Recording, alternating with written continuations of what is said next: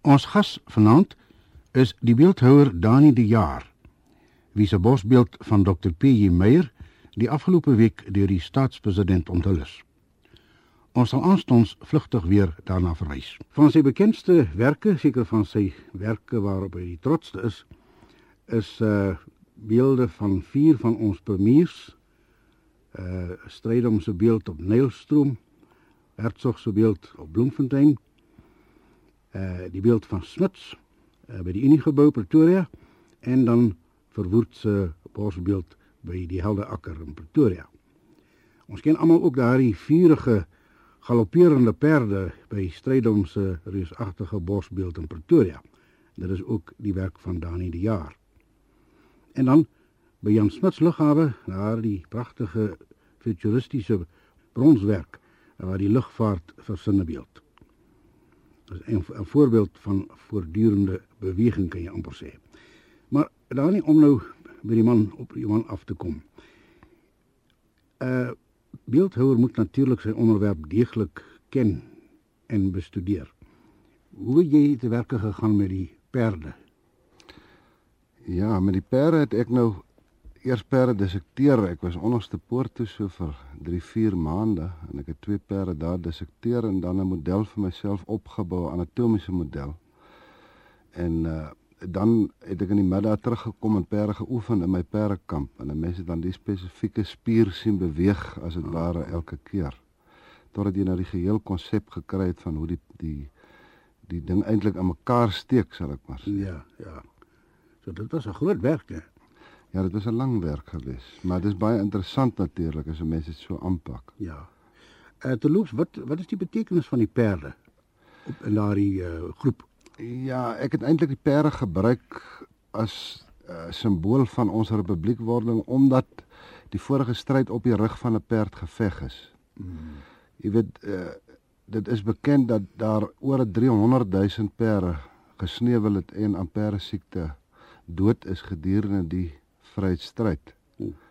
Uh so die perd het eintlik 'n baie groot aandeel gehad. Ja.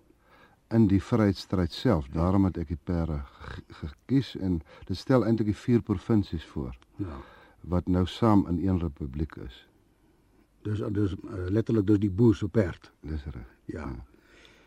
Nou om by die premiers te kom waarna ek uh, aan die begin verwys het, wie uh, wat het jy die eerste gedoen van die vier wat ek genoem het? Eerste wat ek gedoen is die van die monument van Gerald Hertzog. Hy het my ook die langste geneem. Dit het so oor 'n tydperk van 6 jaar gegaan wat ek aan die monument gewerk het. Wel my baard was daai dag nog rooi geweest. Ek was 'n jong man geweest. Mm. Of liewer jonger as vandag. En uh, hy het my die langste geneem. So ek sê hy het my 6 jaar, jaar geneem. Die tweede langste natuurlik is die stryd om monument die pere van die stryd om galopperende perde. Ja.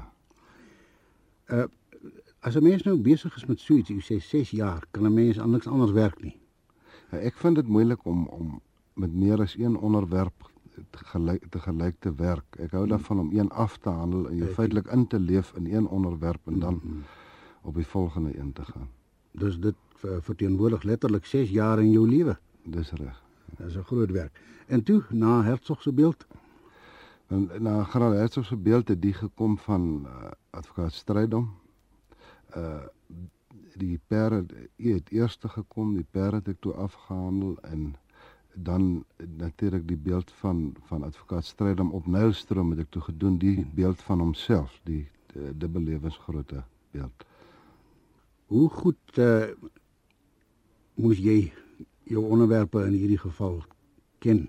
Moes jy hulle persoonlik ken of was dit nie moontlik nie? Wel van hulle was natuurlik voor my tyd gewees. Uh maar 'n mens voel nader aan nadat jy die geskiedenis oor en oor studeer het met 'n uh, sekere persoon voor oë wat jy altyd studeer soos generaal Smits of generaal Hertzog of uh advokaat Strydom dan uh leer jy al hoe meer van die die persoon se se se se doel in die geskiedenis en sy sy optrede en al die dinge dan voel jy nader aan eintlik jy ken die persoon. Ja. Dan moet jy met ook sy politiek ken. Dis reg.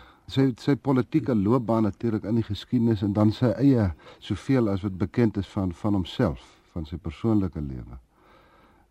Moet 'n mens probeer soveel as moontlik van weet. Ja, met elkeen het jy natuurlik uh, 'n sentrale gedagte. Mag ek vra wat dit was in die in die gevalle van van die mense wat ons nog genoem het? Stryd om hoe jy wat jy gedagte gehad het. Stryd was natuurlik vir my die die vurige man gewees, die vurige spreker. So het ek hom gesien ja. en dit is soos ek hom probeer uitbeeld het ook. Ja, en Hertzog? Uh Generaal Hertzog was natuurlik die beredeneerde man. Hy was eintlik die regter. Uh soos ek verstaan, is hy 'n man wat wat alles baie goed kon beredeneer. Ja, ja. Eerder as om mense op te sweep, sal ek maar sê. Ek sou net sê uh, advokaat stryd om mense opgesweep nie, maar hy was 'n baie meer vurige spreker. Ja, verstaan. Is dit is dit is dit die rede waarom ek ook as ek reg onthou 'n bril op het, nee.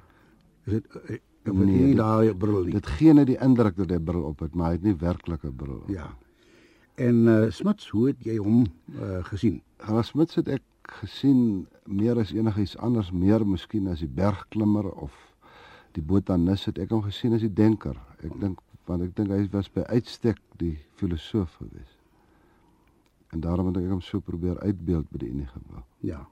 En en verwoed, dokter verwoed dokter Verwoerd natuurlik was die die uh uh by uitstek die man wat wat logies was.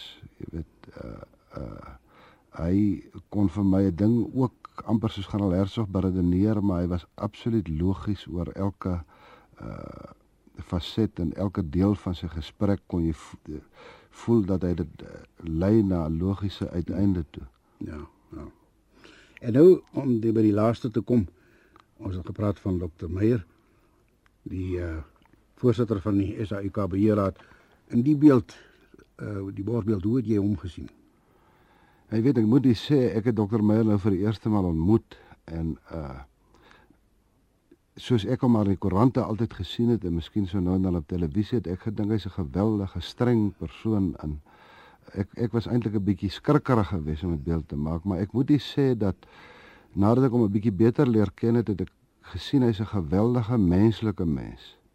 En ek het hom as 'n uh, redelik saggeaarde menslike mens uitgebeeld, nie as 'n streng uh, man nie. Dit was my hoofdoel gewees en dit dit, dit is 'n hele indruk wat wat wat hy by my geskep het is die van menslikheid. Ja. Nou, om 'n bietjie weg te kom van Suid-Afrika, uh, ons weet jy was laas jaar in Bonn by die uh, tuinbou tentoonstelling, die internasionale tuinbou tentoonstelling waar daar ook 'n baie groot beeld van jou uh tentoongestel is, naamlik die die flora beeld waarin uh waaraan jou vrou ook 'n aandeel gehad het. Vertel ons net so die een en ander daaroor asseblief. Ja, Elsa en ek het nou saam, dit is eintlik ons eerste gesamentlike projek, sal ek maar sê. Dit is uh perspex beeld wat ek gemaak het van 7 meter hoog en dan het sy dit eintlik met blomme voltooi. Hmm. Die beeld wat kon dus nie eintlik op homself staan nie. Hy moes hy moes uh, voltooi word deur plantmateriaal. En dit het Elsa nou gedoen.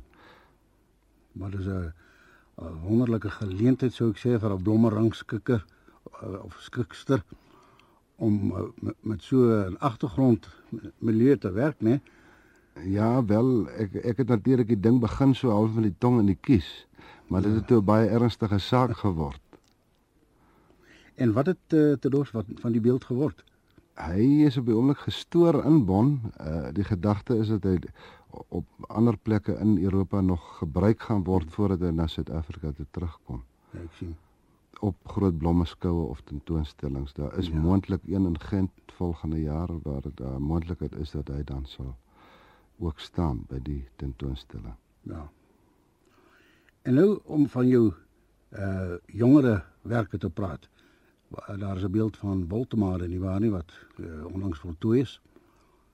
Ja, ek het hom hier in die begin van die jaar opgerig in die militêre hospitaal in Wynberg in die foyer in ingang, sal ek maar sê van die hospitaal. Uh van my ander werke het ek uh, ook hierdie jaar in Sasselburg die beeld abstrakte beeld eintlik in hierdie geval van 'n vrou en 'n kind voor die biblioteek in Sasselburg opgerig.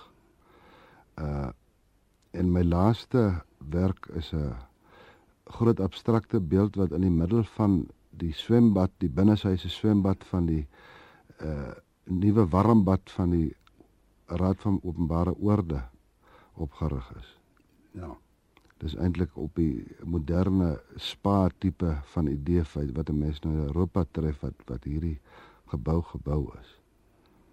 En is dit ook al reeds uh, voltooi? Dit is reeds opgerig. Dit Ja. is hoop ek is nou alles alles vir hierdie jaar. Is daar nog iets uh, op die horison wat jy in gedagte het of jy uh, in die mou voer? Ja, mense jy praat nooit van 'n oond wat nou in die 'n brood wat in die oond is nie. Maar uh daar is werke soos die van Graaf Piet Joubert ryderstandbeeld en sulke werke wat ek volgende jaar sal aanpak. Is dit vir 'n bepaalde plek bedoel? Ja, dit is vir hy is as stigter van Pietersburg uh word die monument gebou vir hom. Nou ja, dit is uh, weer een van die realistiese volksbeelde, né? Soos die ander wat ons genoem het van die uh, vier premiers. Uh hoe hoe bring jy nou die kloutjie by die oor? Die volks uh die realistiese volksbeelde teenoor die meer abstrakte skeppings soos lugvaart by Jan Smuts lughawe. Het jy voorliefde vir die een of nie? Nee, ek ek dink dit hang maar af wat eintlik gevra word, wat die wat die opdrag is. As 'n mens kom by uh die volksmonumente dink ek die mense wil eintlik graag uh die man realisties sien soos hulle hom geken het. Hulle wil nie eintlik 'n indruk hê van 'n kunstenaar soos hy hom soos hy hom voorstel op 'n abstrakte manier nie. Maar as 'n mens byvoorbeeld iets soos lugvaart voorstel, dan vra dit eintlik dis 'n abstrakte denke. Ek meen lugvaart Ja. Uh is 'n abstrakte denke wat jy abstrakt dan moet uitbeeld. So dan moet jy uh, uh dan kan jy hom nie realisties uitbeeld dink ek so geslaagd as wanneer jy hom abstrakt behandel nie. Maar ek kan nie sê ek het 'n spesifieke voorliefde vir die een of die ander nie. Ja. Uh soos ek sê dit hang maar af van wat Van van die, van die opdrag ja. van die opdrag. Ja. Terloops die uh die uh beeld lugvaart beweeg voortdurend, nie, nie waar nie? ja. Dis is 'n amper 'n voorbeeld van voortdurende beweging. Wat wat uh, hoe werk dit? Jy weet eh, hy hy draai nou stadig om daai indruk te gee van voortdurende beweging. Maar ek het eintlik die idee ook so gekry dat as 'n mens spuitvliegtye baie hoog in die lug sien, uh rond draai op 'n op 'n op 'n taamlike mistige dag, dan kry mos hierdie wit wolk wat hy agteruit laat. En dit gee jou daai eindelose soort van 'n sirkel wat in mekaar draai. En as 'n mens daai wolk dan sou konnekteer, dan sou 'n mens uiteindelik daai tipe van ontwerp ook kry. Maar dit dit is eintlik 'n vry los soort van abstrakte ontwerp. En so gesels die beeldhouer Dani de Jaar. En ek is seker ons sal nou met nuwe oë kyk en na sy beelde as ons weer op die lughawe Jan Smuts kom of op Bloemfontein, Nylstroom, die Uniegebou en ander plekke waar sy skepingswerk uitgestal is.